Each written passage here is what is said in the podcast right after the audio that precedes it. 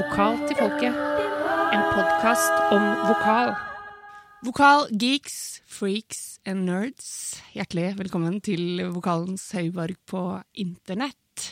Mari, velkommen. Hallo!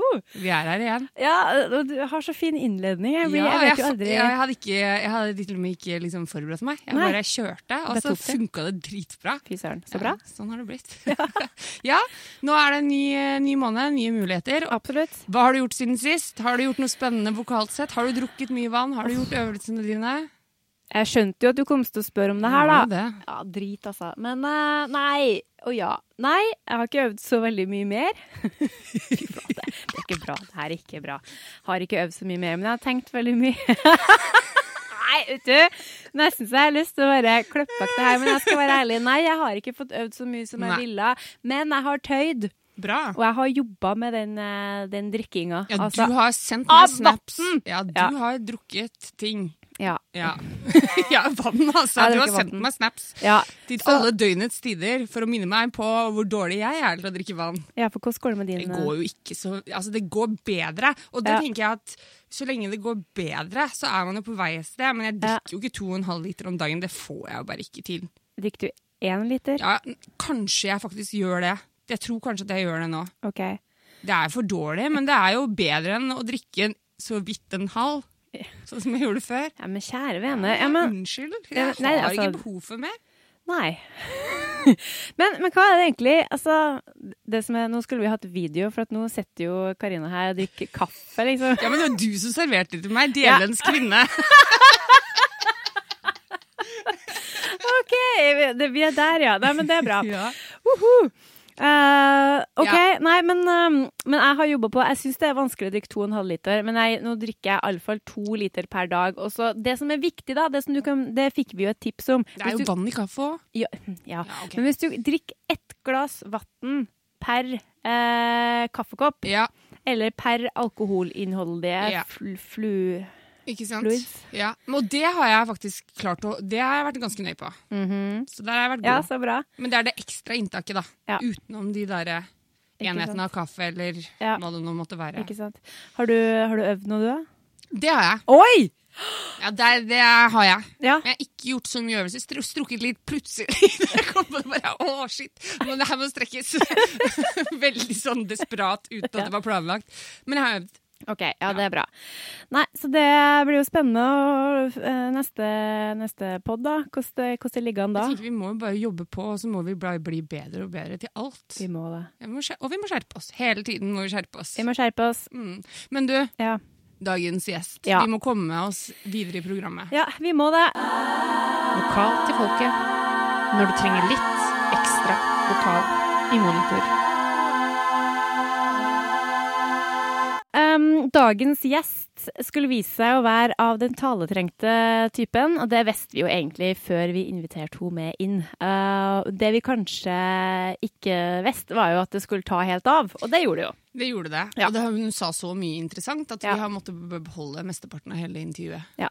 Så hvis ikke noe mer snikksnakk, her kommer intervjuet vårt med Guro von Germeten.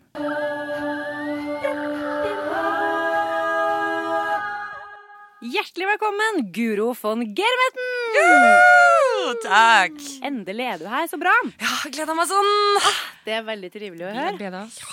Altså, Vi har jo lest oss opp på din meget omfattende CV, og nå skal jeg prøve å eh, ramse opp alt du har gjort. Så får du arrestere meg hvis det er noe feil. Men så vidt vi forstår, så har du altså da fire år med klassisk faglærerutdanning fra konservatoriet i Stavanger. Du har studert dramapedagogikk. Og du tok deg en tur til Wien for å ta en master i kulturmanagement.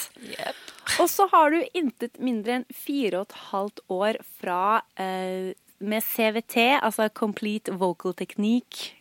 Hva het, heter det liksom? eh, Academy for Completeness. For completeness, for awesomeness, fierceness and talent. Nei, det heter eh, Complete Vocal Institute, heter det faktisk. Ikke sant? Ja. Så det har vært veldig mye greier. Du elsker tydeligvis å være student, men hvorfor har du studert alt det her? Nei, det er jo litt eh, Jeg pleier å spøke med at hvis det hadde vært noe som het eh, kursdeltaker på heltid, eller et yrke som het kursdeltaker, så, så hadde jeg liksom vært første til å signe opp på det.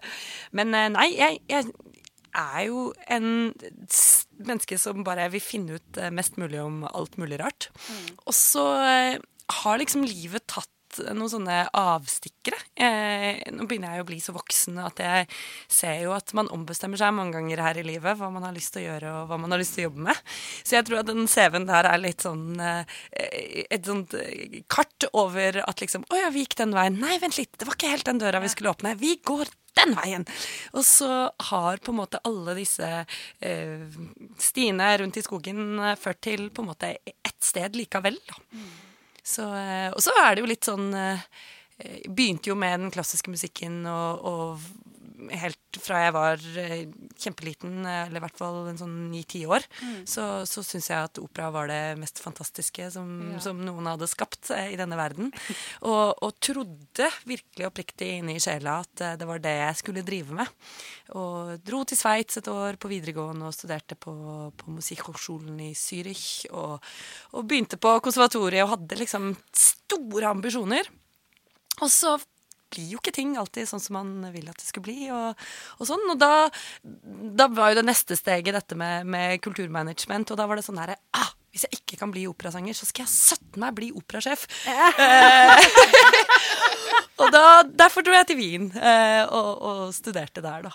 Så, så tilfeldighetene tar man tar en jo til forskjellige steder. Mm.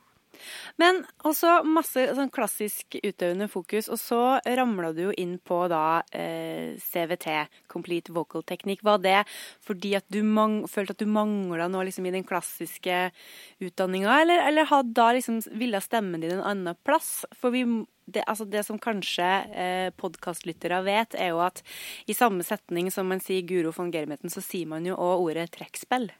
Det gjør man ofte. Ja. Lite rødt trekkspill. Ikke sant? Mm. Nei, det var jo litt sånn jeg, Da jeg var ferdig på konservatoriet, eller ikke ferdig på konservatoriet, for jeg sluttet jo, liksom smalt døren bak meg og, og ringte pappa og sa 'kom og hent meg nå'. Oi, var det så uh, ja, det var fryktelig. Jeg har jo litt trang til drama, så, ja. så jeg gjorde det jo, gjorde jo veldig dramatisk den avskjeden. Men, men jeg, jeg, gikk jo på konservatoriet i Stavanger og, og ble liksom mer og mer frustrert frustrert over at liksom det jeg putta inn i studiet, ikke fikk jeg tilbake. Jeg sto og øvde og øvde og øvde, øvde, og fikk ikke til de tingene jeg ville. Og, og kunne være liksom ganske fantastisk på øvelse og i prosess. Kjempegod i prosess. Kjempegod i alle sånne prosjekter og sånn. Mm. Og så kom det liksom Nå skal vi synge dette verket for noen. Og så bare å, kollapsa det helt, liksom.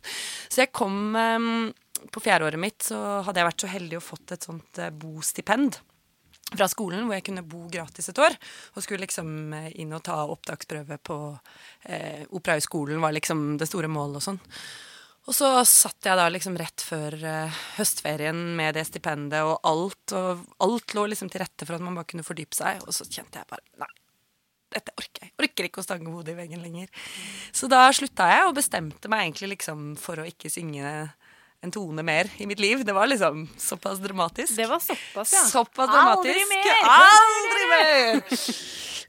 um, men så, så um, gikk det noen år, da. Hadde tatt denne masteren og var liksom på god vei til uh, operasjefkarrieren. Hadde fått uh, jobb som um, 25-åring i Rikskonsertene som produsent. Ja.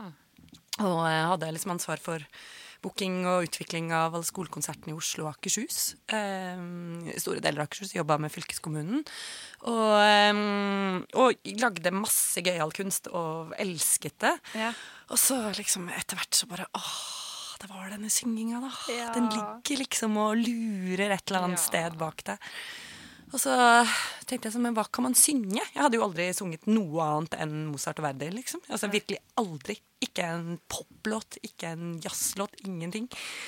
Og så um, tok jeg en sangtime hos en vokalpedagog som het uh, Tracy Maine. Eller heter Tracy Maine. Go uh, Tracys gospelkor. Mm. Veldig ja, kul, uh, kul dame. Hadde bare én time, men hun sa noe veldig klokt. For jeg var sånn Jeg vet ikke hva jeg skal synge. Jeg bare kjenner at jeg må prøve å synge igjen. Og så sa hun liksom 'syng det, du', eller 'du skal synge det du synger i dusjen', når ingen ja. andre hører på. Mm. Og så måtte jeg liksom gå hjem og bare hmm, Hva er det jeg synger? Og dusje.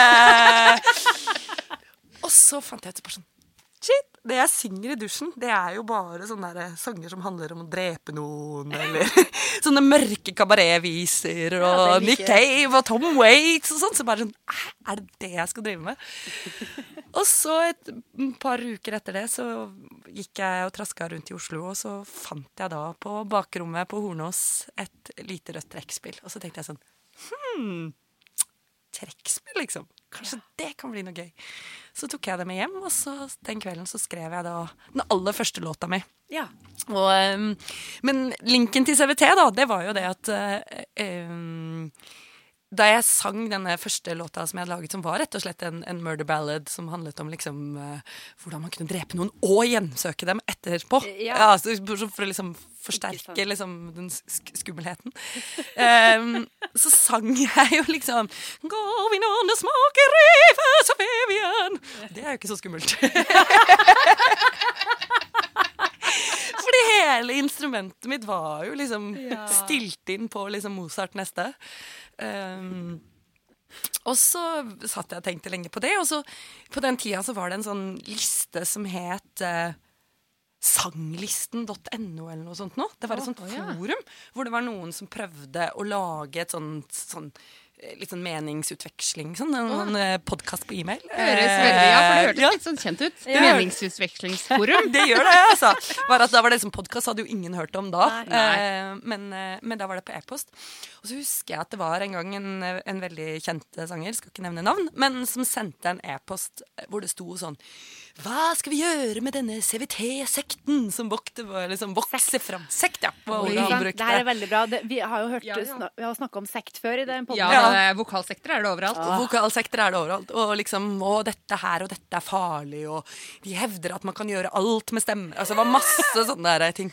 Så tenkte jeg sånn Oh my lord. Noe som vekker så mye engasjement hos noen. Ja, ja, Eh, det må jeg sjekke ut. Ja. Så jeg meldte meg på da mitt første sånn CVT-kurs, og kom derfra ut med liksom bare Hei! Og vreng på stemmen, og liksom Hørte liksom psyko-kniven. eh, Der var mørket mørke du leita etter. liksom, den der var liksom Dusjen var ikke lenger et, liksom et, et spa. Det var et sånn derre eh, dusjscene fra Psycho med kniven, liksom. Og så kjente jeg sånn Herre min, jeg kan jo, jeg, jeg kan jo velge selv Ja. eh, hvordan jeg har lyst til å høres ut. Yes! Ja, Så da tok jeg liksom mitt første ettårige kurs, hvor jeg annet ble kjent med Beate Myhrvold, som har Ah. vært eh, gjest Ja, her. vi kjenner hun godt. Ja, da, hun har rulla rundt på gulvet her. Og... ja, som jeg jobber mye sammen med. Og så etter, um, etter å ha tatt ettårig-kurset, så, så um, dro jeg til København og bodde her i fire måneder og tok det som heter Vocal Academy. Fordi da var det jo sånn at eh, dette trekkspillprosjektet, som egentlig bare hadde begynt som en sånn min greie Jeg skulle liksom bare ha en hobby. Og så plutselig var det sånn at hvis jeg spilte Som dro fram, og så spilte jeg liksom en låt på en open mic, så plutselig så satt noen som bare Hei, du må spille denne konserten. Eller jeg posta noe på Soundcloud, så kom det fra Canada sånn Hei, vil du være med oss? Altså, det, var, det var så Det var akkurat som um, for første gang i mitt liv så, så skjedde ting av seg selv. Det var Ja. ikke sånn 'Å, dette vil jeg, dette jobber jeg for. Men det var bare sånn hver gang jeg gjorde noe, så kom det en ny jobb. Og da plutselig så sto jeg liksom i det um, skillet at jeg kunne leve av det. Ja. Um, og måtte ta et valg sånn Skal vi bli operasjef, eller skal vi spille skitne sjømannsviser på trekkspill? og så tenkte jeg sånn Åh, jeg er ikke 30 engang. Altså fast jobb i staten, det Nei. kan jeg ha senere i Ja, livet. det gidder man ikke. Ja, så jeg sa opp jobben og dro Ja! til Kjøben. og jeg var der i fire måneder og tok Vokalakademiet. Og så kom jeg hjem, og, og det som var så gøy um, da, var jo at em, med liksom um, alt, uh, alt dette nye jeg lærte, så oppdaget jeg jo plutselig at eh, kanskje det jeg var best på, altså sånn uavhengig av, av sang og musikk, var jo at eh, jeg forsto at jeg var ganske god på å lære bort disse tingene.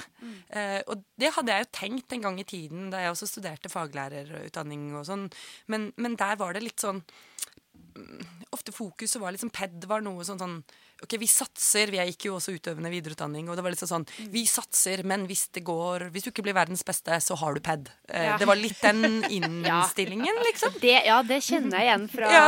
der jeg studerte, og det må folk slutte med. Ja, vet du, altså. det er veldig trist. Hva, ja, det er jo, det har jo, det er jo feil. Ja. Det blir veldig feil å, å kategorisere det på den måten. Veldig, veldig feil. Ja. Så hør etter. Ja, altså, for meg, så jeg tenker at det å undervise, det er så fint, og det gir meg så mye i den utøvende delen. Og motsatt, da, selvfølgelig. At det som jeg jobber med i det utøvende, tar jeg med meg inn i undervisninga. Jeg ville ikke vært det foruten. altså. Nei, ikke heller. Og det, og det var det jeg liksom oppdaga. Sånn, jeg kommer jo fra en familie. Liksom. Mamma er professor i pedagogikk, pappa er rektor, søster er uh, undervisnings... Altså alt. Vi er liksom Vi er en Eller vi er sånn 50-50 kunstnerfamilie på den ene siden og, og, og liksom pad-delen. Men jeg har liksom alltid vært litt sånn in denial, da. Bare at dette vil ikke jeg drive med. Og så kom jeg dit, og så oppdaga jeg sånn Søren heller. Altså, jeg skikkelig god til det. og elsker det. Ja. Um, sånn at da, da tok jeg da den treårige um, delen, altså den, den authorized complete vocal technique teacher. Um, og uh, har jo på en måte brukt det siden. Altså undervist. Nå er jeg jo kollega med deg, Mari, på Musikkteaterhøgskolen og holder mye workshops og, og ser jo at det er liksom en, eh, en Virkelig liksom den delen av meg som klarer å kombinere dette med å elske kunst og musikk, og samtidig den nysgjerrigheten av at jeg har eh, At jeg elsker å gå på skole. Altså Jeg elsker å bli klokere hver eneste dag. Og, og sånn. Men kan jeg spørre deg, fordi em, du blander jo da liksom et litt klassisk uttrykk med, med ting du har lært i CVT, ettersom jeg oppfatter det når jeg hører på musikken din. Eh, gjør du også det når du underviser? Altså, underviser, underviser du i CVT, eller putter du inn ting du har lært i den, fra den klassiske faglærerutdanninga også? Hvordan jobber du der? det, det spørs litt uh, i hvilken setting jeg jobber. Um, når jeg holder rene CVT-kurs, Ja. så prøver jeg å være innmari liksom, For da, da har jeg på liksom, stempelet til skolen Ja, i panna og er liksom offisiell representant derfra. Da pleier jeg i hvert fall å passe på å si dette er kanskje ikke den måten vi ville ordlagt oss i CVT, men jeg syns likevel det er fornuftig å bla, bla, bla. Si dette likevel. Men eh, nå som jeg er timelærer eh, på Musikkteaterhøgskolen, så ser jeg jo at, at um, der må man jo komme med alt man kan. Altså, da er det dramapedagogikk, da er det kulturmanagement. Lære disse studentene å, å bygge sin egen karriere. Det er eh, CVT, det er eh, klassisk, fordi at eh, de- skal jo gjøre det som står i læreplanen, og det er ganske bredt. Men Ja. også at man ser at eh, mye av repertoaret er jo liksom Altså Moderne amerikansk eh, musikkteater krever kanskje eh, en del CVT-verktøy, og så skal vi gjøre legato før 1960. Så er det kanskje liksom den klassiske delen som, som leder, da. Så jeg, jeg tror at um, jeg tror at vi som lærere, hvis man tar på den hatten nå, Ja. eh, har så godt av å bare være åpne og virkelig forstå at gode verktøy, gode bilder, Ja. gode triks, gode tankemåter eh, på å se liksom kroppen og instrumentet vårt og alt sånt, det, det må vi bare De må vi ta med oss. Og vi har ikke råd til Det er studentenes liv og karriere som, som det dreier seg om. Vi har ikke råd til å, å, har ha skylapper på, rett og Det er jeg er så enig i. Så, um, så alt. Og jeg er jo Ja. sånn Jeg skulle ønske jeg var Timani-lærer. Ja, jeg skulle ønske jeg hadde hatt litt still. Ja, ja. Og? Altså, jeg, jeg, bare for å liksom vite hva som skjer, og også dette med språket. Dette der med hele tiden klare å oversette sånn Når du snakker om det, Ja. eller når du hører denne lyden, da ville jeg beskrevet det på den måten. Å ja, du beskriver det på den måten, ja. Eh, kan vi snakke om dette? Ja. Ja. Og når, for elever kommer jo og refererer til, til eh, begreper som de har hørt om fra andre typer utdanninger. Fra STIL Stilda eller, eller fra CVT, sånn som jeg opplever i hvert fall at eh, det dukker opp i ny og ne en elev som vil snakke om både det ene og det andre. Og da, da er du nødt til å vite hva det er. Ikke sant? Absolutt. I hvert fall ha en viss forståelse for det. Ja. Og så tenker jeg jo at uh, musikk og sang er jo til tider veldig abstrakt, for det handler jo mye om sånn formidling av følelser. Man skal skape bilder med sangen sin, og, og da merker jeg at hvis man i tillegg kan være konkret på noe noe, så, har man liksom, eh, så gjør man det litt enklere. For det er helt greit at man skal liksom kjenne hvor tonen ligger hen, men det er veldig greit å bare kunne si konkret at det du gjør nå, du, du twanger liksom epiglottis-hornet. Ja. Ja da, det her får vi komme tilbake til, kjære podkastlytter, som nå lurer på hva som har skjedd. Men altså, det, for noe er faktisk veldig konkret. Absolutt. Og, og jeg tror jo det har noe med at vi er jo forskjellige læringstyper. Alle, altså alle studentene våre, alle vi utøverne, er jo forskjellige læringstyper. Og da jeg studerte klassisk, så var det innmari mye bilder. Altså Det var mye sånn lukt på den blå blomsten, og ingenting kobla seg i huet mitt. Jeg lukta, lukta, lukta, og det skjedde liksom ingenting med klangen. Eh, fordi jeg er en veldig logisk skrudd sammen person. Jeg forstår ting veldig fort med hjernen, og så kommer kroppen trenger lang tid eh, på å eh, liksom Ja, kroppsliggjøre den kunnskapen jeg har. Det, det er på en måte eh, Det tar lang tid for meg. Eh, men eh, Så jeg trengte jo vite nettopp det du sier. Jeg trengte å vite at det var liksom arytenoids og, og epiglottisordet som møtes nederst. ikke sant? Altså, jeg, jeg trengte å vite at det, liksom, det skaper et overtrykk. Her er det en komprimering. ikke? Ja. Alle disse tingene. For å forstå. Eh, for når sanglæreren min sang 'syng stygt', Ja. så, og jeg skulle synge Mozart, eh, men så, så var det jo mer twang. Ja, hun var ute. Hun ville ha en spissere lengre plassert foran. Altså, alle disse tingene. Men, men jeg klarte ikke å omforme det språket.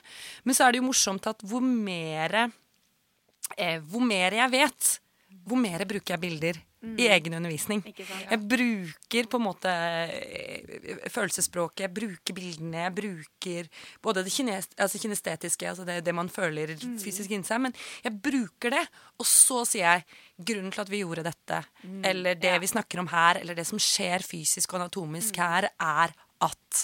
Ja. Um, sånn at um, jeg tror at dette med bilder og, og, og følelser og sånn er så utrolig enk altså god måte for kroppen å innstille seg intuitivt riktig, da. Mm. Fordi sang dreier seg ofte om å koble på eh, disse eh, disse grunnleggende på en måte, mekanismene i kroppen. Sånn vil bli hørt, Mm. Ja, ja. ønsker å be Ja. om ting, vil uttrykke seg, skrike, Mm. eh, um, berolige. Altså alle disse tingene som stemmen kan gjøre, da. Mm. Um, men jeg tror også det er viktig å vite litt sånn OK, men det, denne personen jeg jobber med nå, lærer den best ved at jeg tegner bilder og ser. Eh, Lærer den best ved å koble på fantasien. Mm. Lærer den best ved å si OK, her er musklene dine. Den Ja. Mm. muskelen jobber sammen med den muskelen. Ja. Når vi strammer her, så skjer det der. Eh, eller, eh, eller bare ved å eh, produsere lyd. Ja. Eh, ved at jeg synger en tone, så reagerer på en måte speilnevronene i den andre personen, og så klikker man det på plass, og så Der er det! Ja. Og så kan man snakke etterpå. Okay, Hvordan kjentes det ut? Hvordan kan vi huske dette når jeg ikke er i rommet? Ikke sant. Ja, for det handler jo mye om det òg, at man skal lære Altså, man må jo lære studenten eh, å øve sjøl. Altså, Fordi det sier jeg til mine at eh, du er nødt til å så- du nødt til å klare, På sikt så må du klare det her uten meg, for det blir veldig stress hvis jeg skal bli med deg på hver gig. Det blir dyrt, du har ikke råd. sånn at eh, det er liksom, du må jo lære opp kroppen til liksom å, å huske det sjøl. Absolutt. Og derfor så tror jeg Altså, jeg, jeg mener jo at vår jobb som vokallærere er jo å gjøre oss selv arbeidsledig. Ja. Det er jo på en måte målet. Ja, eh, veldig dårlig forretningsmodell, men, Ja. men sånn er det. um, og, um, og jeg tror jo at uh, det der med å skape gode muskelminner, hele tiden sjekke inn på studentene sånn OK, men hvordan beskriver du dette? Hvordan Ja. beskriver du den lyden? Er det lyden du hører? Er det følelsen? Er det et bilde? Er det en plassering? Eh, hvordan kan du huske dette? Ja. Eh, og hele tiden også trene den opp til å bli Altså, Trene og høres ut som vi har med sånn hundakilter. Ikke det, men, men gjøre dem i stand til da å, å, em, å være nysgjerrig på OK, men det funka på time. Ja. Hva var det vi gjorde der? Nå er det et eller annet som ikke er likt når jeg står på øvingsrommet. Hva er forskjellig? Være nysgjerrig. Hva er annerledes i dag enn forrige gang? Eh, hva kan jeg prøve å liksom justere på selv? Altså den derre Istedenfor sånn Å, det funker ikke. Ikke? Og så bare kollapser man. Ha den der nysgjerrigheten at hver gang man går inn i øvingsrommet, hver gang man går inn i en time, så Ja. har man sitt eget forskergen litt sånn kobla på, da. Ja. Men det her, det er jo Men det er avansert jobbing. Så det, oh, ja. altså, stakk, stakkars elever og studenter. Det er jo ikke, ikke lett for en 17-åring å eh, ta på seg forskerhatten når man egentlig Nei. er keen på liksom, å synge Beyoncé. Så Nei, det men sang er jo ikke for pyser. Og- Nei! Og, og, å, Si det en gang til! sang er ikke for pyser! Det. Det, var, der, vi må, ja. det må vi ta med oss videre. Ja, det skal vi. Det er Nei, men, helt og, og det er ikke for å liksom eh, skille Altså eh, ekskludere noen, det er ikke derfor jeg sier det, men, men jeg tror at en av de liksom egenskapene som vi er nødt til å liksom trene opp hvis, hvis vi skal gjøre dette her, er jo liksom motet vårt. Altså det derre eh, til å En kollega av oss eh, på, på Musikkteaterhøgskolen som heter Peter, som er skuespillerlærer. Ja. Altså den derre evnen til å stå i melkesyra. Ja.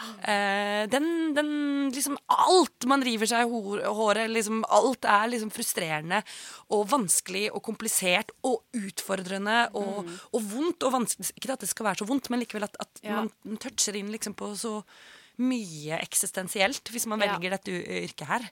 Eh, og det å liksom bare OK, men nå står jeg i det. Jeg er nysgjerrig. Jeg ønsker å finne ut av hva som skal til. Ja. Um, det tror jeg er kjempeviktig. Og, og, og jeg tenker at um, en av mine utfordringer har liksom vært at alltid musikken min har vært mye modigere enn meg. ja.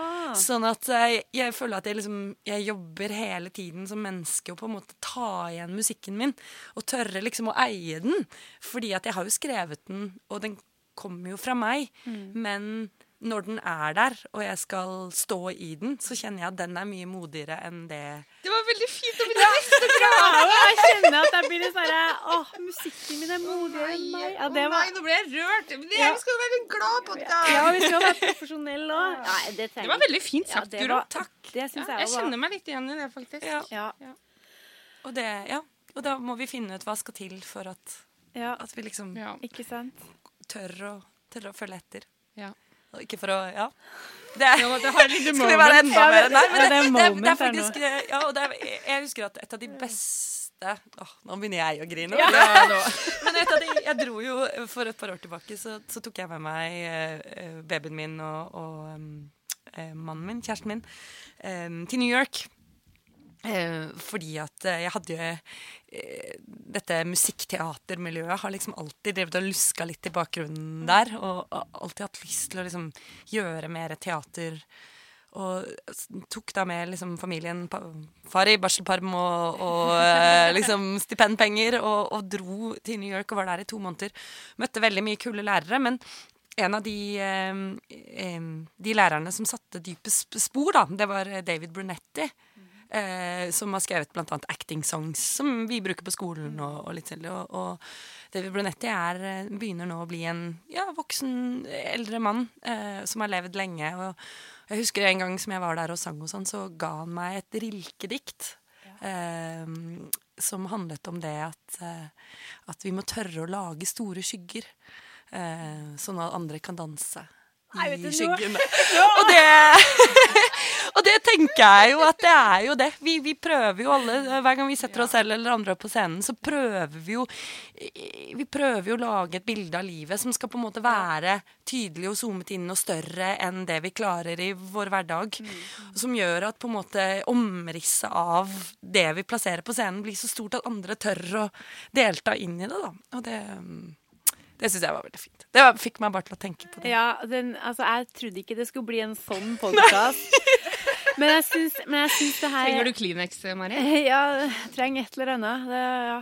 Jeg, vet, du, jeg syns det her er så utrolig eh, vakkert sagt, og det er så viktig òg å huske på, fordi eh, altså både for eh, den poden her, og hvor vi snakker så mye om eh, Vi forsker på så mye og sånn, og det, det skal vi gjøre. Men vi må jo huske på liksom, hva, som er, hva som er det grunnleggende her. Vi er mennesker som er glad i å synge.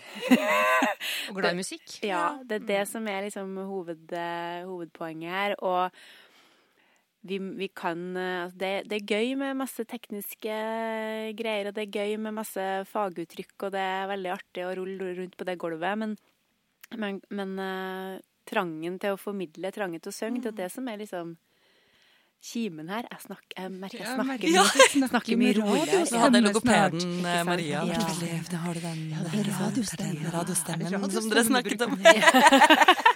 Men, eh, men eh, ja Før vi går liksom helt i, eh, i, eh, i Kleenex-fella her, så, så må jeg bare For nå har vi snakka litt om, eh, om det med musikkteater og sånn. Og for du driver jo òg med musikal, du. Du er en, eh, du er jo en musikalartist. Er du ikke det, da? Jeg- jeg prøver å bli. Er det, Ja, er det lov å si det? Og det jo syns jeg er gøy at du sier at du prøver å bli, at Ja. du liksom er ærlig på det. Ja. Det, det syns jeg er helt, eh, helt strålende. Og det, det, det må jeg si at det beundrer jeg med deg. At du er så du, er, du har så lyst til å lære så mye. Mm. Du er at eh, jeg vil lære mer, jeg vil bli. Og det er kjempebra, for det er veldig mange som etter at man kanskje fyller 30 år, tenker liksom at nå er jeg ferdig. Mm. Det var det. Nå må jeg bare begynne å gi tilbake. Ingen her gjør det. Vi skal lære mer! Men fortell om musikalkarrieren din. Nei, den er jo ikke så lang, men, eh, men eh, det, det starta jo egentlig med undervisning. At eh, av, Ikke av en eller annen grunn, men, men det, det plutselig ble sånn at de verktøyene som jeg kunne tilby, da, både med CVT og klassisk og andre ting, ble liksom fanget opp av musikalmiljøet og skuespillere. Um, så det begynte vel egentlig med at, at jeg bare fikk liksom flere og flere skuespillere og musikalartister som kom og tok timer hos meg. Både var en periode innom Bordar, var også liksom hele tiden liksom innom eh, Musikkteaterhøgskolen da, den- da den ble etablert. Og, og sånn. Og så og kjente jo at dette dette repertoaret gir en sånn, ga en sånn utrolig sånn gjenklang i meg, fordi den musikken jeg skriver, er ganske opp til Ja. eh, både musikal og musikkteater. Um, og kan på mange måter plasseres inn i en litt sånn eh, Hvis man ikke bare tenker på musikkteater som musikal, men, Ja. men som Ja. all kombinasjonen av teater og musikk, så, så havner nok mye av det jeg skriver, litt inni der. Og alltid liksom lekt litt med det derre at eh, publikum ikke vet når låtene mine er sanne. Ja. Og når jeg tar dem inn i en historie. Ja. Eh, jeg har en, en låt som jeg har gjort veldig mye, som var på den første plata mi, som heter Circus Song. Som eh, handler rett og slett om hvor mange gutter du må kysse for å få ditt eget sirkus. Og eh, veldig sånn kabarettradisjon. Jacques Brel. Edith Piaf, eh, den tradisjonen.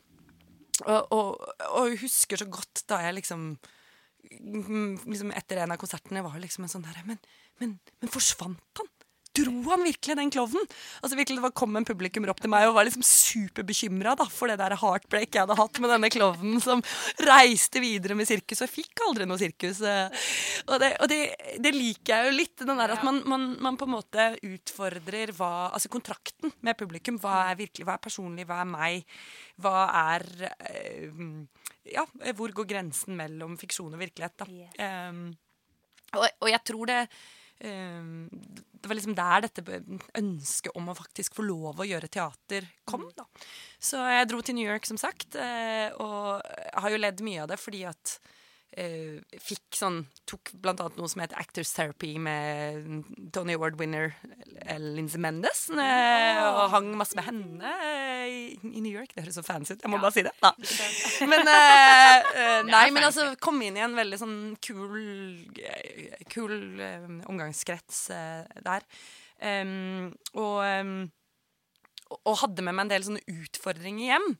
Og blant annet det jeg hadde blitt bevisst på, var jo at da jeg var liten, så, så, så var det jo musikkteater jeg ville. Jeg så Lemis da jeg var Lemis Rabel, da jeg var seks år gammel. Og eh, gikk hjem og klippet opp alle klærne mine og satt på rommet og kostet i tre år, ifølge min storesøster. Eh, og sang liksom.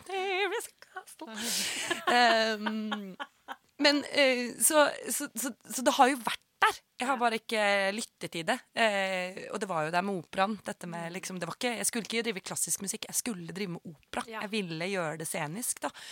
Og, um, så det har liksom vært der, men jeg har aldri gjort, uh, gjort noe med det. Så når jeg, da jeg var i New York, så tok jeg en del liksom, skuespillklasser og sånn. Og så den siste utfordringen som jeg fikk eh, av disse actor therapy-folka, var at den neste audition som kom i Oslo, den skulle jeg melde meg på.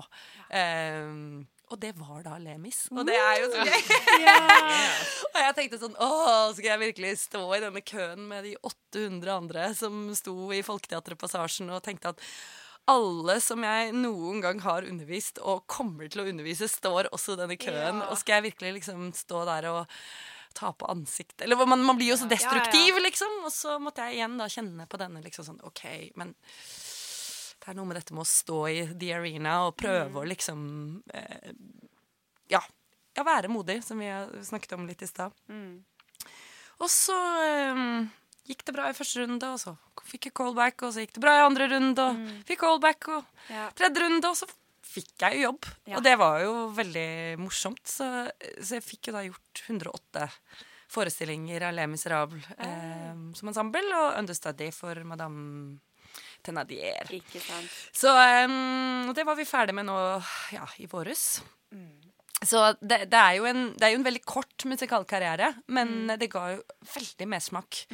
Og nå er det jo ikke flust av auditions uh, i denne Nei. byen vi bor i, men uh, jeg tror og må jo bare håpe på at hvis det riktige prosjektet kommer, så får jeg lov Ja. å gjøre det igjen. Ikke sant? Så gøy. Så, eh, og jeg kjenner i hvert fall i forhold til det å undervise på skolen, så Ja. er det utrolig deilig å ha vært igjennom en sånn man har vært igjennom en prøveperiode, man har vært igjennom en Ja. liksom, first reading, man har vært igjennom møte med regissører. Man har, man har liksom eh, stått i det.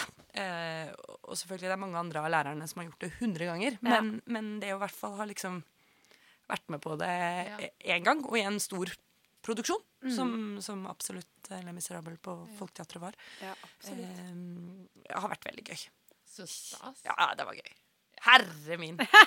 Jeg ble, jeg lønner seg å ta sjansen, Det lønner seg å ta sjansen, og, og, og det er veldig morsomt. Jeg tenkte på det liksom sånn derre Ja ja, jeg ble jo aldri Cosette, da, men Nei, jeg ble hun sinte mammaen som fikk lov å skjelle Det henne ut. Ja.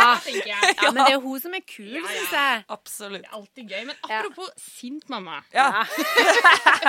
Fordi du driver jo ikke bare med musikal. Du har jobba med mye. Og så har vi vært inne på hjemmesida di, og vi har lest at du har hatt en stor fascinasjon for belting, og du har det kanskje ennå. ja.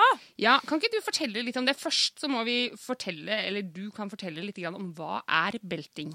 Ja, jeg kan bare si en liten sånn saksopplysning. Fordi Ja. at jeg, er jo, siden jeg har så mange hatter, så har jeg jo to hjemmesider. Ja. Så jeg har jo én hjemmeside som, eh, som handler om liksom musikken min og artisten og, og de tingene. Ja. Men den hjemmesiden som dere henviser til her, er Ja. en, en side som heter vocalgeek.no. Og det er derfor Oh, derfor yes. vi har vært der. Her, Ja. Vocal dit skal vi! Sånn. Ja. Som egentlig starta som en, en blogg da jeg bodde i New York. Um, den har ikke fått så mye kjærlighet i etterkant, men den ligger liksom og vaker. Og, og drømmen er jo å gjøre som dere og lage Ja. en Vocal Geek-podkast. Ja, det Men- støtter vi deg ja. virkelig, for det trenger vi. Mer, men da jeg prøver å holde meg til det engelskspråklige. Ja. Fordi at um, Ja, det, det får du gjøre, for det Ja. skal ikke vi. Nei, jeg tror ikke vi skal Hello! bli oss Hello there! Yes. Welcome to Vokal to Uh, vocal, to, vocal it's, it's a pod, and it's about uh, her hvor det går. Nei, ja, men Det er men mest fordi at det er jo Jeg liker jo det der internasjonale og har mye fra København, og vi er så mange nasjonaliteter. Så det er bra. Men, eh, men eh, der så skriver jeg det, det, det skulle i utgangspunktet være litt sånn som dere. Litt sånn, sånn lettbeint eh, vokaltekniske eh, innslag. Men, men jeg er jo så glad i ord, så de blir jo ofte veldig mye lenger. Så det er jo sånn Man må skumme litt hvis man har lyst til å liksom, få overflaten. Og så tror jeg at hvis man leser det liksom mer sånn dyptgående, så kan man finne ganske mye tips og triks uh, ut av det. Så jeg det er liksom anbefaler studentene mine til å gå inn der og skrevet en del om sceneskrekk. Ja, og del om liksom tekniske ting. Vi skal Men- linke. Ja, Ja, det skal vi. men jeg hadde skrevet om belting der, fordi at um, uh, Belting er jo et begrep som uh, vi i vår bransje, hvis man snakker om musikalbransjen, mm. det, uh, det er jo et, et begrep som lever i Ja. høyst eh, velgående. Eh, og, og brukes på veldig mange forskjellige måter. Altså det er både liksom Man sier 'I am belting it out'. Altså jeg, er- Det er et verb. Eh, det er 'It's a belting song'. Eh, det er et adjektiv. Ja. Eh, og, og eh, hva var det glemt helt det siste. I'm belting it out, belting song. Og I'm a belter. Altså det er et, sub, eh, et substantiv. Eh, fordi at det, det er så morsomt på samme måte som i klassiske så sier man liksom jeg er en lyrisk sopran eller jeg er en bass. Så er det veldig mange sangere, eller i hvert fall i New York, sånn, som, som som bruker det som en sånn fagbetegnelse på seg selv. I'm a belter. Eh, og, så det er et begrep vi ikke mm, kommer utenom, men som jeg ser sånn erfaringsmessig når jeg snakker med studentene mine og underviser selv, eh, har ofte skapt, liksom, skaper sånn problemer. Fordi min kjepphest da, eh, er jo at eh, belting er et helt ypperlig ypperlig musikalsk og stilistisk begrep. begrep.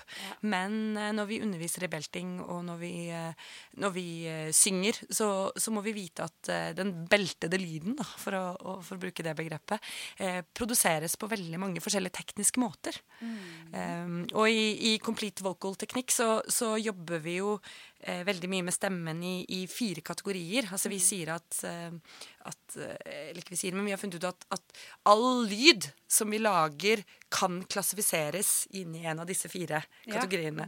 Og det er da neutral, altså eh, det vi bruker når vi Det her er farvel. Altså litt sånn Ja. myk, eh, eh, rolig nattasang, vise, altså sånn. Så har vi curbing, som er litt mer oh, In the port of Amsterdam, du kjenner at den er litt sånn holdt tilbake. Eh, vi curber, altså vi tamer, altså vi tammer lyden. Det er litt sånn som jeg sa til Mari vi satt og snakka om, eh, om curbing her i stad. Det er den, den som jeg bruker veldig mye når jeg skriver korarrangement hjemme i leiligheten. Ja. Hvor jeg liksom skal late som at mm, jeg skal Ja, illustrere at nå, nå kjører vi på! Ja. Men jeg kan egentlig ikke gjøre det sånn helt, fordi at det sitter noen naboer på andre sida Ja, av veggen som blir litt Ja. stressa hvis jeg kjører på. Og det er ikke sånn at Vi holder tilbake, vi slipper ikke løs hestene. Liksom. Og så har vi overdrive. liksom, hey! altså litt, Nå holder jeg volumet litt nede her, siden vi sitter så tett i dette studio. Men, men litt sånn eh, rockeklangen, fotballklangen, Ja. den hey, Ja. oh, oh, Ja. ikke sant? Den, eh, som er utadvendt, men kanskje Ja. litt sånn ropete i karakter. Ja. Og så har vi Edge som Hei, hei, Ja. hei! Hører jeg litt spisse, litt andre Ja, overtoner som ringer. Hei, hei! Ja.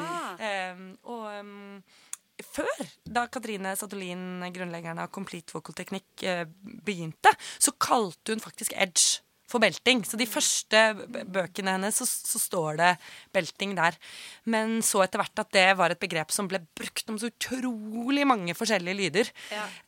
Um, og um, akkurat nå har hun faktisk eh, publisert en, en artikkel som jeg syns er kjempespennende, eh, men som er veldig akademisk og, og, og lang og tung, holdt jeg på å si, um, som eh, i Journal of, Journal of Voice. Journal Eh, voice. Eh, og det er en, en sånn fagfellevurdert eh, artikkel.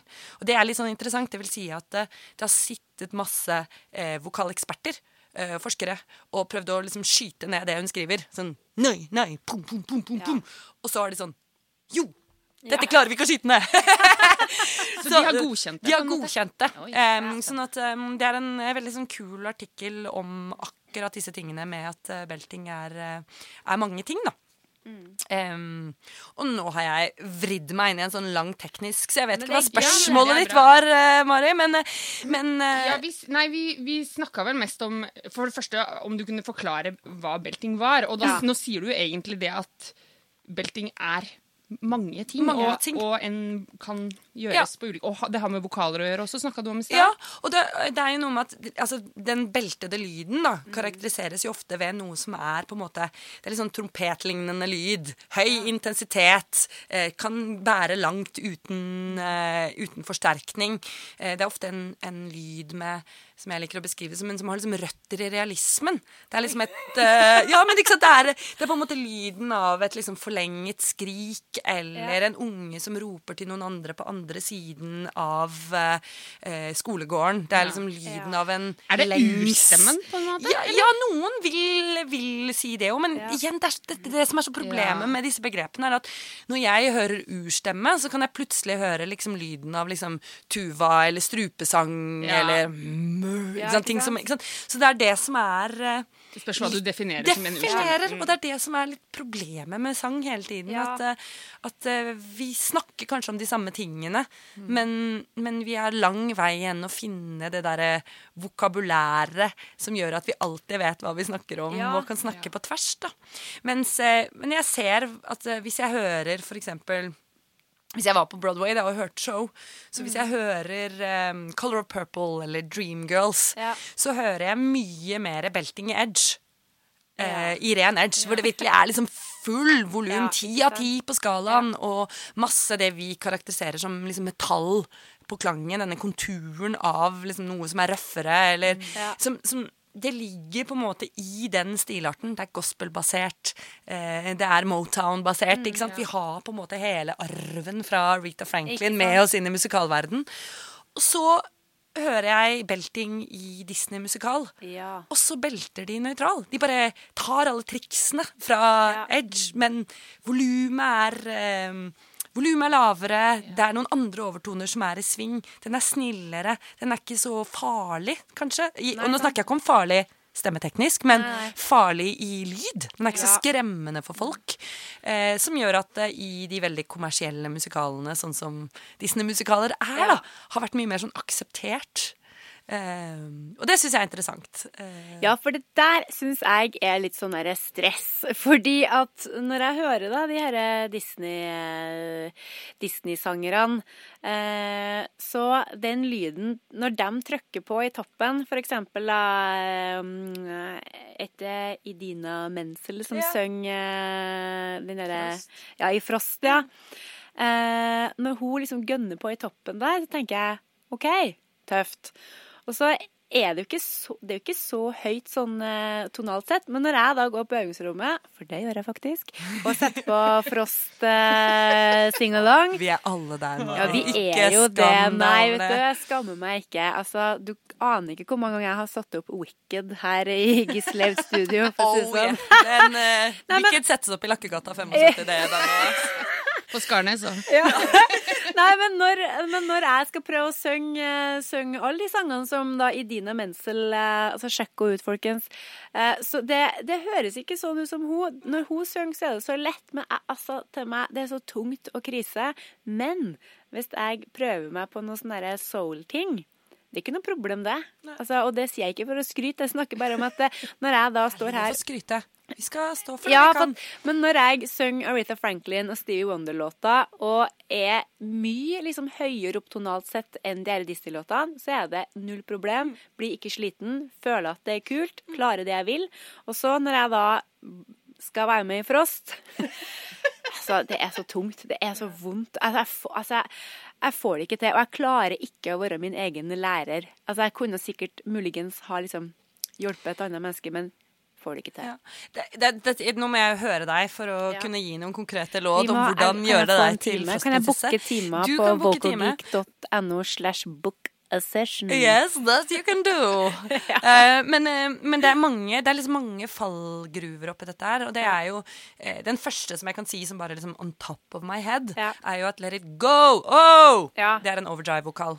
Og Ja. vi jenter, vi har pitch limit på overdrive. Ja. Det vil si at vi kan ikke synge overdrive eh, over eh, D2. Altså Nei, hvis du har liksom Lisa gikk til skolen C1, så er det liksom Ja. en oktav over.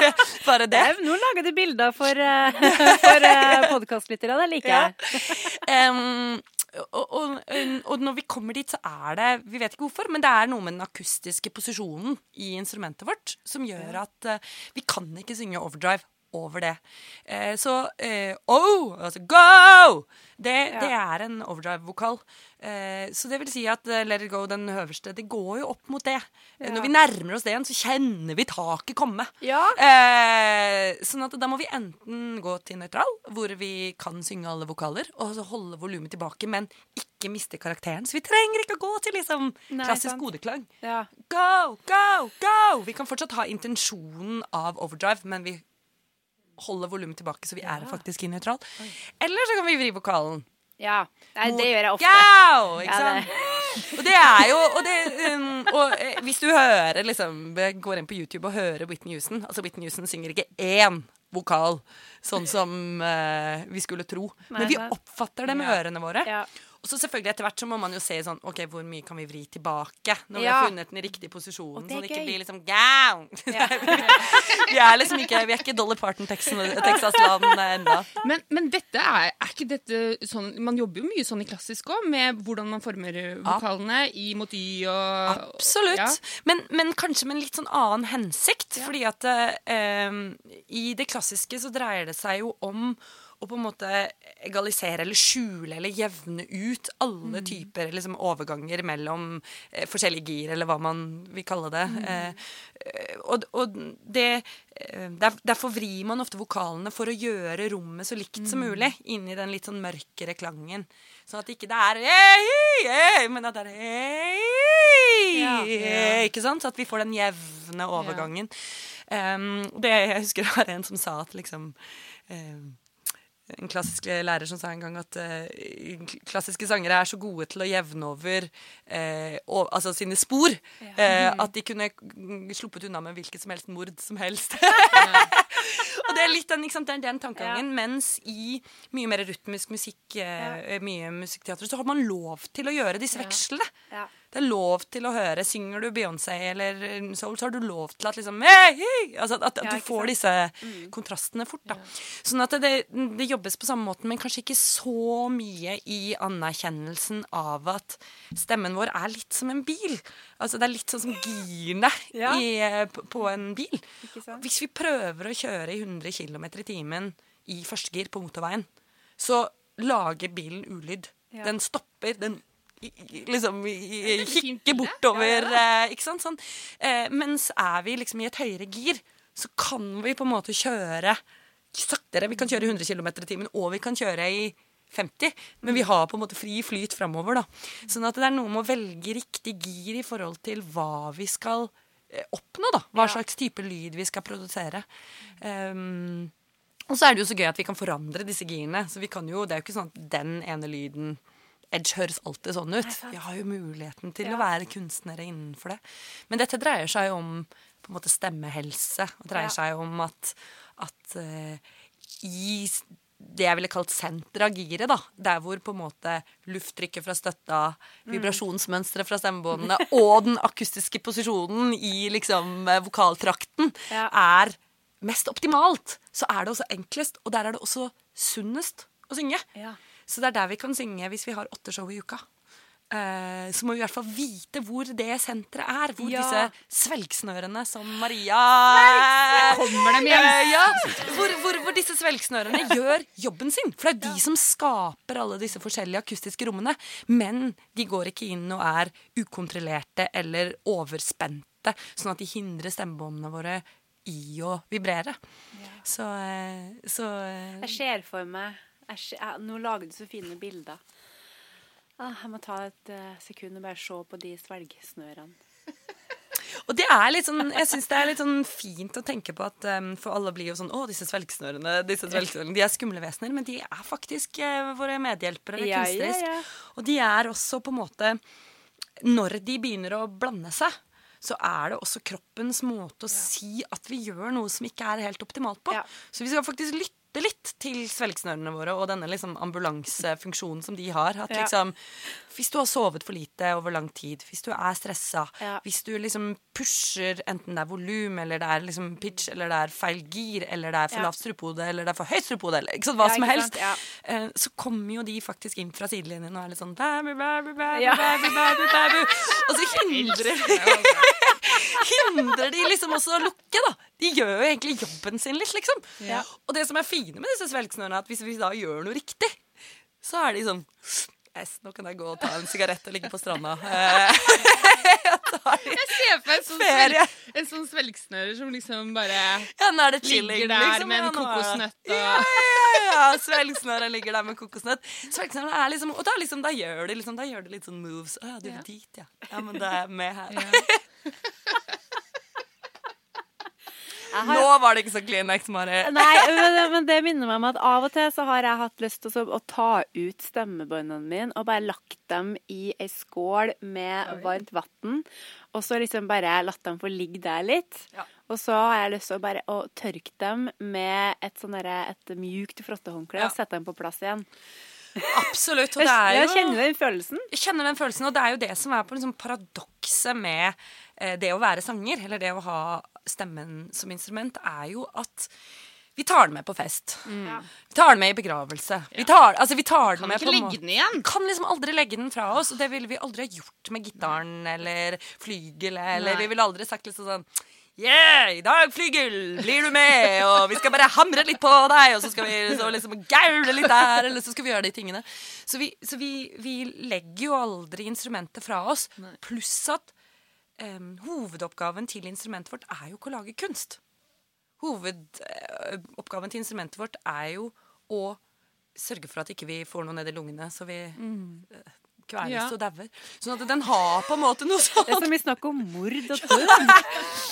Sånn går det, vet du. Når man eh, Jeg føler vi har vært innom alle følelsesaspektene her i dag. Og Altså, apropos vi har grått, vi har ledd, vi har frykta. Det har vært så Og det er jo det som er så gøy med belt, at det er jo på en måte representativt for Ja.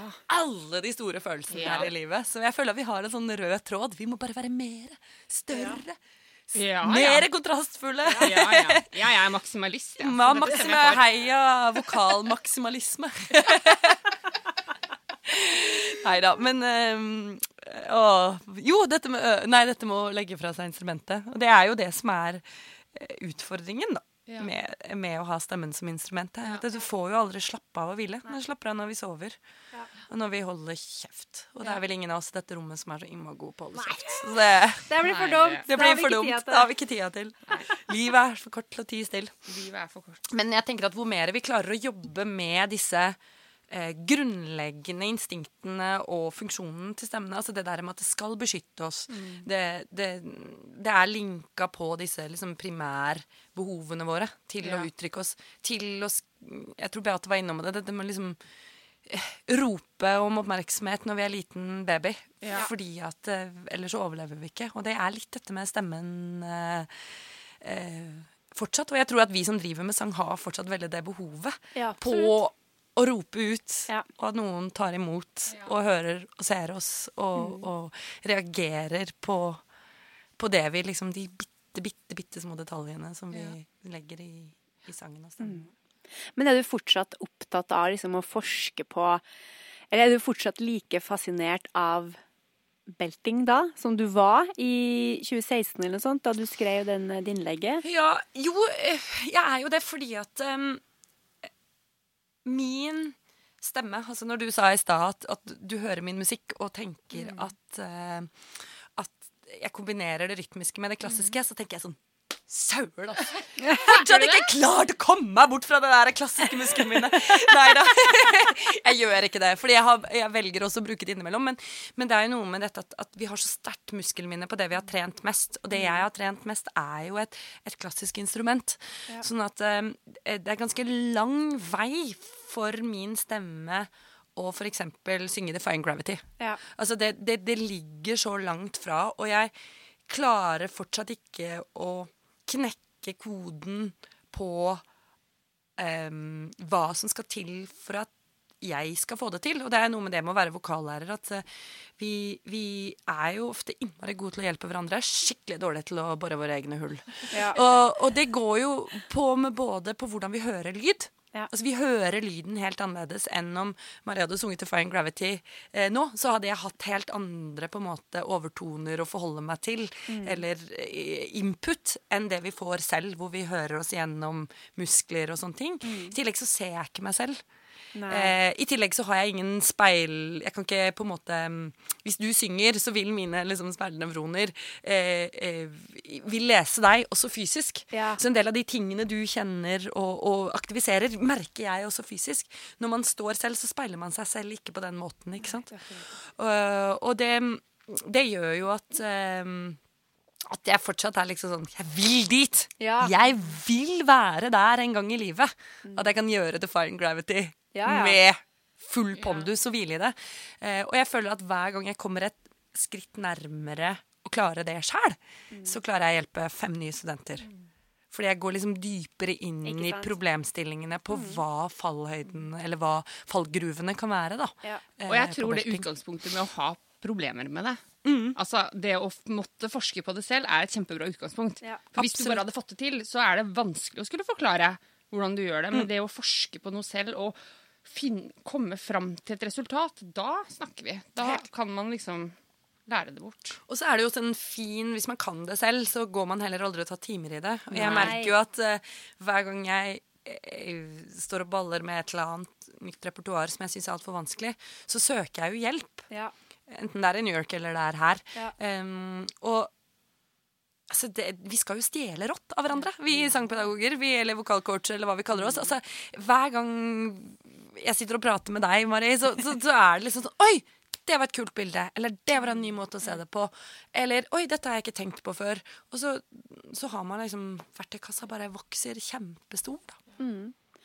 Men uh, mitt, uh, mitt inntrykk av deg er at du er en veldig sånn uh, en, en ivrig student som leser og forsker veldig mye på, på sang og teknikk, og at du Jeg har på følelsen av at du øver veldig mye. Og jeg lurer på, stemmer det? Øver du veldig mye? Øver du hver dag? Jeg synger hver dag. Du synger hver dag. Mhm. Og det mm, Jeg syns jo det var veldig morsomt eh, da dere nevnte sånn Kanskje vi kan snakke litt om øving før denne podkasten? Fordi um, mitt største utfordring i alt dette her er jo at jeg er jeg, altså For det første så er jeg litt sånn solstikk. Jeg er litt sånn, Familien min vil liksom beskrive meg på det. Jeg er litt sånn i min egen verden og min egen liksom oh, Hva skjedde nå? Oi, vi havna der, ja. Ja, men det er gøy. Eh, og sam, kombinert med at jeg liksom er veldig god til å liksom trekke en ny idé ut av nesen. Sånn Wow, hva om vi går den veien? Ja. Og det setter litt sånn kjepper i hjulet for min egen øving. Fordi at jeg begynner et sted, og så ender jeg opp et helt annet sted. Så, um, så jeg er ikke sånn Jeg tror jeg hadde vært en enda bedre, liksom, hvis man snakker om instrumentalist, hvis jeg hadde vært bedre på å øve. Ja. Så jeg må rett og slett um, liksom sette veldig sånn strenge rammer for meg selv hvis jeg skal øve. Planlegge det. Ja. Sette ord på 'dette er det jeg ønsker å oppnå', 'dette er liksom målet mitt'. Skrive øvingslogg. Skrive øvingslogg, og også øvingsplan. Jeg er kanskje enda mer liksom øvingsplan. Og, og jeg har anbefalt alle studentene mine til å kjøpe sånn der gammel sånn eh, klokke til sånn, sånn eggekokerur. Ja, sånn, ja. Ja. Eh, og så ta liksom korte økter hvor du Mm. setter på det. Ok, nå skal jeg øve eh, overdrive i den pitchen på den vokalen eh, i fem minutter tre ganger i løpet av dagen i dag. Mm. Sette på eggeuret. Fem minutter. Hei, hei, hei! Hei, hei, hei! Ikke sant? Gjøre sånn. Og så slutte! Når de fem minutter, fordi ofte så sklir vi ut ikke sant, som sangere. Vi bare oh, Og så er vi liksom der, og så har vi skrevet en ny låt istedenfor å øve. Um, men, men også for å liksom skille mellom eh, musikeren i oss og teknikeren i oss litt. At vi kan liksom øve teknikk veldig konsentrert i veldig små bolker, og så slippe det. Gå til sangen, eh, eh, sjekke ut hva setter seg i muskelminnene, være nysgjerrig på hva skjer nå, når jeg bare går til historien eller bare går til karakteren? Eh, hva har satt seg? Hva må jeg øve mer på? Å ja, kanskje problemet eller utfordringen var et helt annet sted i låta enn det jeg trodde. Kanskje ikke det er overdrive som er problemet, eller utfordringen. Kanskje det er nøytral som later som er edge i Ja. høy pitch Ja, på Let It Go. det skjer jo Ja, ja, ja. Sånn at det, og det, det er noe med det å få lov til å være Jeg er så redd for at disse studentene våre, og at vi selv blir stående også og tenke teknikk hele tiden når vi skal være kunstnere. Ja. Og når vi skal være Noen ganger må vi det, men, men at vi også får det frirommet hvor vi bare forsker på eh, hvordan reagerer stemmen min på Ja. fantasien, eller hvordan reagerer den på, på eh, det musikalske forløpet i låta. Så, mm, så jeg prøver å liksom lære studentene mine og meg sjæl til å liksom eh, være konkret og, og gjøre det liksom Øve på å styrke muskelminnet, øve på å skape nye eh, kombinasjoner eller forbindelser i, i hjernen vår som gjør at eh, koordinasjonen av stemmen vår eh, blir mer hensiktsmessig. Da. Um, og det kan man gjøre enten gjennom enkeltøvelser eller gjennom Alexander-teknikk hvis man er interessert i det, eller sant? Altså, vi, alt dette dreier seg om å skape nye koblinger. Bli bevisst på hvordan musklene våre jobber sammen. Ikke sånn én og én, men i kjeder. Um, og så tror jeg at i forhold til øving at, at uh, Dette er litt sånn grovt sagt, men jeg tror at vi som lærere har ofte liksom én av to litt sånn innstillinger på det å øve. ene liksom leiren er litt sånn uh, For å synge så har man et sånt sett med grunnegenskaper. Og man gir studentene eller seg selv eh, et, et øveregime som går på at liksom, hver dag skal du gjøre disse ti øvelsene Ja. som, eh, eh, som på en måte bygger grunnteknikken din eller grunnstemmen din. Og så er det den andre leiren som er litt mer sånn OK, dette er sangen du vil synge. Eh, hvilke hull, eller hvilke, hvilken På engelsk ville man sagt liksom gaps er det Ja. mellom det instrumentet du har nå, og det du ønsker å gjøre.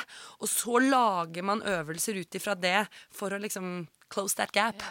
Um, og jeg tror nok at jeg er litt mer på den linja eh, når jeg underviser.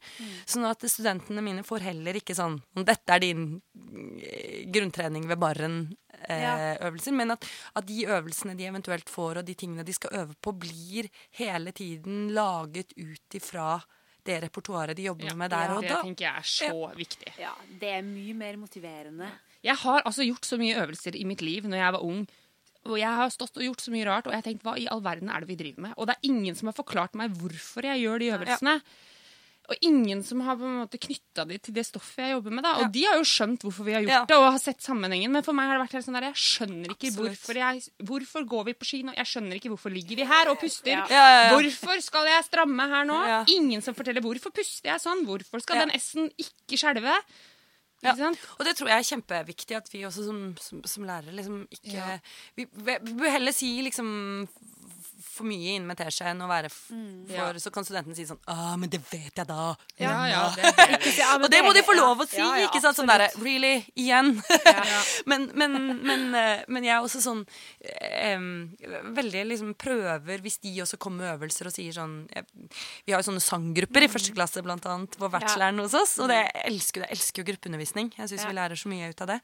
Men um, men eh, da har jeg gitt dem sånne oppgaver denne høsten og, og til våren at de skal liksom ikke lede en oppvarming, men de skal ta med seg noen øvelser som de liker å gjøre, som de har lyst til å dele med mm, kollegaene sine um, Ja. hver gang. Og eh, så gjør de de, og så spør jeg dem sånn OK, hvorfor gjør du denne øvelsen? Og så er det sånn Ja, det føles godt. Ja, det er sånn. Og så de, ofte har de fine ting å si, men det er litt sånn Men hvorfor er det en V i begynnelsen av Ja, ordet? ja. Hvorfor velger du å gjøre I før A? Hvorfor eh, Ikke sant? Eh, Alle disse tingene. At de blir sånn Å ja! Det er derfor vi driver med dette. Ja. Sånn der, ja, her har den og den læreren sagt at jeg skal ta en uh, Late som jeg er et tre som gjør sånn. OK, men hva er det? Hva skjer? Ja. Hva skjer i kroppen? Hvor kjenner du det? Hvorfor gjør vi det? Hvorfor tenker vi liksom eh, disse tingene? Og det tror jeg er um, kanskje det jeg er strengest på um, til mine studenter. At ikke de skal liksom gjøre ting bare for å gjøre det. Men klare å bli også mye mer sånn selektive på hva de skal bruke tida si på. For Ja. de er jo busy studenter. Skal Absolutt. Og, og jeg tenker vi som lærere har, har jo et ansvar for å, for å dra paralleller mellom øvelser og, og fagstoffet vi jobber med. Men også som elev så tenker jeg hvis du går til en sangpedagog der ute, podkastlytter, så er det lov å spørre. Ikke glem at det er lov å stille et spørsmål. Og jeg tror alle sangpedagoger vil bli glad hvis du som elev sier 'Å, jeg skjønner ikke hvorfor jeg gjør det her', eller 'Hva mente du med det', eller 'Hva betyr det egentlig'? Fordi vi durer nå på, vi. Vi, har, vi gjør dette så ofte at vi glemmer. Ja, vi glemmer det. Og det, det tenker jeg, det er aldri et spørsmål som er for dumt. Da. Jeg, jeg tror ingen sangpedagoger vil synes at det blir for dumt. Nei. Nei, man blir jo veldig skjerpa sjøl når studenten stiller kritiske spørsmål, for da må du jo tenke. Ja, ja, ja. Absolutt. Og noe gjør vi jo. Fordi den dagen så, så tenkte vi sånn Oi, shit, hva, hva skal Ja, ikke sant? Ja. Vi gjør jo rare Ja. ting, vi òg. Og så trenger vi litt sånn Nei, kanskje dette var litt Dette var Ja. ikke så hensiktsmessig i dag. Ja, det sier jeg ofte. Hvis jeg, hvis jeg setter i gang med øvelser, så merker jeg at det funker ikke, så sier jeg nei, vet du, i dag funket den. Da, og, for det er jo ikke sånn at, at hver øvelse funker likt på hver student eller elev heller. Nei, og noen ganger så kan jeg si vet du, nei, det her var det ikke noe vits i. Vi gjør noe annet. For at det er jo virkelig lov å gjøre feil. Absolutt. Og jeg tror at eh, i hvert fall en av de tingene som jeg har med meg veldig fra CVT, da, eller fra instituttet der nede, er jo liksom dette med liksom ansvarsplassering mellom Ja. student og lærer. Ja. At liksom vi som lærere har på en måte ansvaret for at de verktøyene vi tilbør, eh, leder studenten på riktig vei. Um, sånn at hvis, hvis jeg presenterer en øvelse eller et triks eller et, et, noe jeg vil at de skal mm, eh, prøve ut eller eh, benytte seg av, og vi ikke havner liksom på vei mot dette senteret, som vi snakket om i stad, eller, eller andre ting, så er det feil verktøy. Og det er mitt ansvar som eh, lærer Ja. å, å gjøre den justeringen. Ja. Og så er det studentens ansvar å ta de triksene som funker, og bygge det inn i muskelminnet. Men ehm, Guro von Germuten, det er jo tidenes artistnavn. Ja, eller, er, eller er det For det er jo ditt virkelige navn. Det er mitt eller heter du egentlig liksom Ja, men eh, det, det er veldig bra. Ja. Guro von G, som vi kaller det. Ja, ja, men så bra. ja. Men altså um, Von G. Sånn, Ja. hvis, jeg, hvis jeg plutselig begynner med hiphop. Nei. Ja. Men uh, vi har jo snakka mye om, eh, om, eh, om mord, eh, død, trekkspill, kabaret, musikal, eh, vokalgeek, eh, auditions. Hva, hva, er din, hva er liksom planen videre nå? Du, skal, du, skal du gjøre noe nytt nå? Er det reggae du skal slå deg på? Skal du finne et nytt instrument å bli god på? Hva, hva er dine planer? For jeg vil jo tro at du har en eller annen plan. Jeg har mange planer. Ja, ikke sant? Her kommer det. Først skal jeg bli det, og så skal jeg, jeg gjøre dras dem ut av nesa. Ja, ja, ja, ja, ja. Nei? Tuba blir det neste. Tuba blir det neste. Nei, vet du hva, jeg um, Jeg føler at jeg liksom opererer på litt eh, forskjellige plan, eller litt forskjellige ønsker. Og Ja, det kommer ikke som noe bombe. Nei. og det ene ønsket er jo at jeg har veldig lyst til å bli gammel i dette undervisningslandet. Altså, Ja. Jeg har veldig lyst til å, å ha muligheten til å jobbe med folk som vil bli kunstnere. Ja. Eh, fordi det er det jeg er best på. Jeg er bedre på det enn å undervise barn, f.eks. Ja. Eller sånne ting. Jeg er veldig, jeg er veldig glad i å jobbe med folk som, som har ambisjoner, og som Mm. har interesse, og som har liksom tatt et valg allerede om at, eh, at de har lyst til å gå ned den veien. Um, så sånn yrkesmessig, sånn sang-vokal-coach-messig, så, så leker jeg veldig mye med tanken å få lov til å ta en doktorgrad innenfor vokalteknikk. Um, og uh, ja. Vi Og, møter opp med blomster og konfekt Å, ja. og uh, ja, ja. det du vil ha. Takk. Det er jo i så fall mange år til, men, eh, men det er liksom så jeg sitter og, og jobber litt med noen eh, en, ja, et prosjekt og noen søknader der. Nå er det jo sånn at eh, det er jo ikke bare å knipse og få Nei. en stipendiatstilling, men, men hvis man ikke mm, prøver, så hender det jo ikke meg. Eh, så det er liksom den ene siden av det. Og så er det jo sangsiden og, og liksom kunstneren Guro. Og det, der er jeg veldig i tenkeboksen for tida. Eh, kjempegøy å gjøre mer musikal. Um, kjempegøy å få skrevet noe mer. Det har, eh, jeg ga ut min siste plate i 2015, og um, den plata ble, ble laget på veldig kort tid. Jeg fikk et sånt arbeidsstipend fra Prøysen-året som bestillingsverk. Så, så den var veldig, sånn, det var veldig intenst å gjøre den, og midt oppi der så fødte jeg datteren min. Og ja. det var sånn jeg ringte fra, liksom, fra sykehuset sånn Hei, jeg ligger og føder, jeg kommer ikke og mikser i dag. så, um, så Jeg ligger og føder. Og, eh, ja, så, så, og det har liksom Hun er tre år nå, og det har vært liksom Hun har vært eh, Hun bodde i trekkspillkassa det første året på, på turné og, og bodde i garderoben på, på, på Les Miserables og sånn. Så det har vært liksom noen um, intense år de siste årene. Så akkurat det der å skrive musikk har ikke fått så stor plass. Nei. Så um, jeg um, Akkurat nå så jobber jeg litt med å liksom prøve å vekke det genet. Og prøve å være litt sånn Jeg har jo liksom skreket fra meg. Jeg har eh, myrdet kanskje dere mennesker i drømme. Jeg har eh, hva, hva er det jeg har lyst til å si nå? Og det um, har sikkert noe med at liksom egen rolle har også liksom omdefinert seg. Ja. Jeg er ikke hun som er fem uker alene med tog i Tyskland og, og trekkspill på ryggen og, og skriver om det. Hva skal jeg skrive om nå, eller hva har jeg behov for å si? Så um, det er faktisk mye um, Spiller mye piano for tida. Ah. Og, og prøver å finne ut hva Piano og ukulele, faktisk. Ja, Så, eh, nei, og, og prøver å tenke liksom sånn OK, kanskje, kanskje det er liksom for mange konnotasjoner knyttet til trekkspillet som gjør at man skriver sånn type musikk. Hva skjer hvis man prøver å spille litt på piano eller på litt ukulele? Eller. Ja, det er gøy. Um, og så er det noe med det at med en gang vi gjør musikken og sangen og sånn til yrket vårt, så, så er i hvert fall jeg, liksom, en gang man får liksom presset på og skal liksom tjene alle pengene sine og forsørge familien sine og sånn på liksom det som egentlig er en sånn det, ja, det man bare liksom uttrykker, eller Ja, det man elsker og sånn. Så man legger ganske mye press på musikken sin. Så mm, det å liksom begynne å spille et helt nytt instrument for meg, er litt sånn som å ta tilbake litt det der Dette er ikke ment for noen andre enn meg. Dette er liksom Dette Ja. er hobbyen min. Det er det samme som å gå på yoga eller gå i svømmehallen. Um, og at, um, at det har hvert fall for meg sånn opp gjennom timene vært en sånn veldig sånn fin måte å liksom nullstille meg litt på.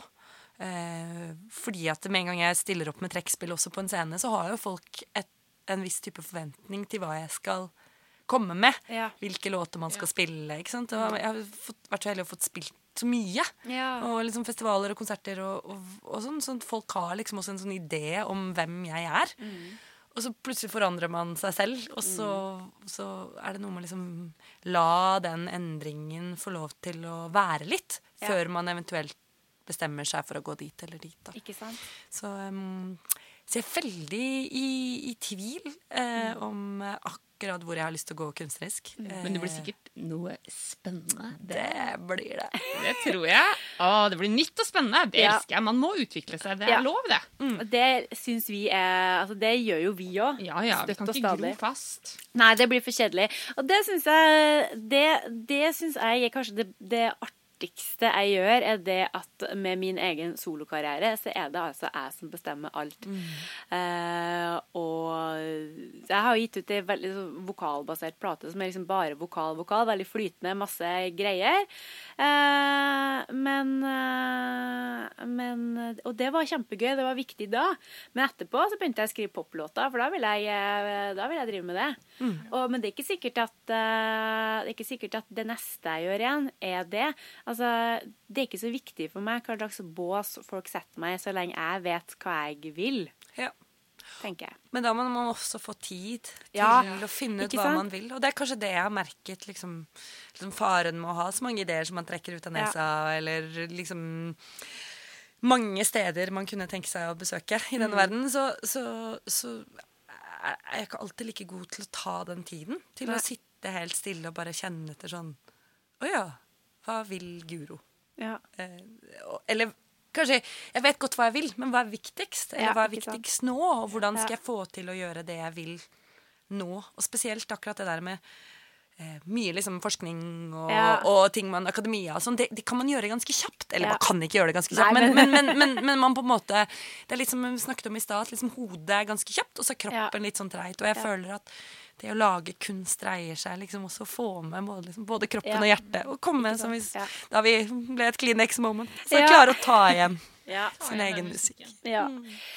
Men um, herlighet, vi kunne jo ha snakka i uh, fem timer til. Men uh, så er det jo sånn at det Vi må jo spare litt på kruttet òg. Ja, vi har begrensa plass på SoundCloud. Det har vi jo. Var ikke dum! Det var ganske bra. Guro von Germeten, nok en gang tusen takk for at du ville komme og være gjest hos oss her i Vokal til folket. Vi er veldig Altså, det har vært en følelsesmessig reise. En berg-og-dal-banetur. Ja, det har det. Altså, jeg har satt det med gåsehud, og jeg har kjent eh, en tåres eh, ankomst, og det har ikke vært eh, måte på. Tusen takk for at du er så raus, og for at du deler alle tankene dine. Du, du, det er så mye vakre ting og lure ting du eh, snakker om, så tusen, tusen, tusen takk for at du ville komme. Takk til dere for at dere lager verdens beste podkast. Fram med Kleenexen! Vokal til folket. Når du trenger litt ekstra vokal i monitor.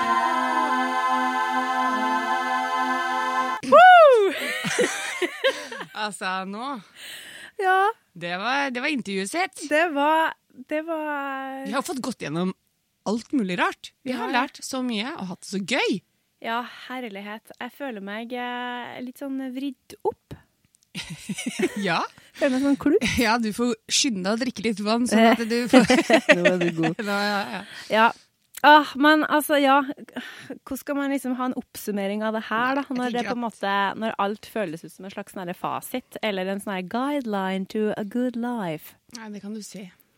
Jeg tenker må igjen, sånn som vi sa i innledningen, må bare bli bedre på alt. Vi må skjerpe Ja. oss, vi må bli bedre på alt. Vi må det. Ja. Men vi må ta timer, og vi må huske på å være like nysgjerrig som eh, Guro. Det må vi. Vi må drikke vann. Vi må gjøre øvelsene våre og øve, og gå på øvingsrommet. Vi må det. Det er det vi må. Jeg får ei inspirerende dame, altså. Ja, vet du meg hva? Altså, jeg, jeg får så lyst til å liksom bare snakke med henne i, i eh, timevis, rett og slett. Ja. Og, og hvis, du, hvis du vil henge mer med Guro, så vil jeg anbefale deg å sjekke ut uh, videoene som ligger ute av henne på YouTube. Det husker jeg du sendte til meg når vi booka Guro, at Mm. jeg måtte sjekke ut de videoene når hun reiser alene rundt på turné. For Ja. det er altså så trivelig. Det er gøy. Da kan man henge med Guro på Ja. internett. Å, Og apropos henge, henge på internett sammen med folk man er glad i og liker. Du kan henge med oss på internett, på Instagram, på Facebook. Vi er også der. Nevner det. Vi er det. I alle kanaler. Vi har også egen hjemmeside. Du Ja. kan sjekke ut vokaltilfolket.no. Gjør det. Mm. Så er det sånn at jeg har òg en eh, annen anbefaling. Eh, hvis dere får noe tid til overs eh, mellom øving, drikking av vann og henging med oss og Guro på interwebs, så kan dere lese i bok. Og da syns jeg at dere skal lese ei bok som heter The Making of a Singer. Eller strengt tatt heter den vel The Inner Voice, The Making of a Singer av René Flemming operasanger, den er så festlig. Jeg kommer halvveis, og jeg blir så inspirert, og jeg blir imponert. Og jeg blir Altså så mye øving, så mye terping, og det å få lov til å bli med inn i den prosessen til det å gå fra å være en, som hun sier sjøl, ikke sånn super supertalentfull. Det, det, altså, Synging lå liksom ikke så godt for henne, men allikevel. Og det jobbes, og terping og terping og terping og terping og terping. Og det har vi jo lært i år, at det må jo terpes. Det må terpes. Uh, ja, men uh, så da må jeg bare anbefale det. Vi legger ut et uh, snapshot av den på uh, Den må jeg kjøpe òg, for den har ikke jeg lest. Jeg Da er det bare å- Ikke sant, det må du. Gleder meg til du skal ha en sånn bokanmeldelse ved en senere anledning. Ja. Nei! Nå må vi gi oss, for nå har vi holdt på i lang, lang tid. Ja, jeg må legge meg. Ja, det må du faktisk. OK. Ok, tusen takk for nå. Vi ses neste måned, og da, folkens, Da. sklir det ut.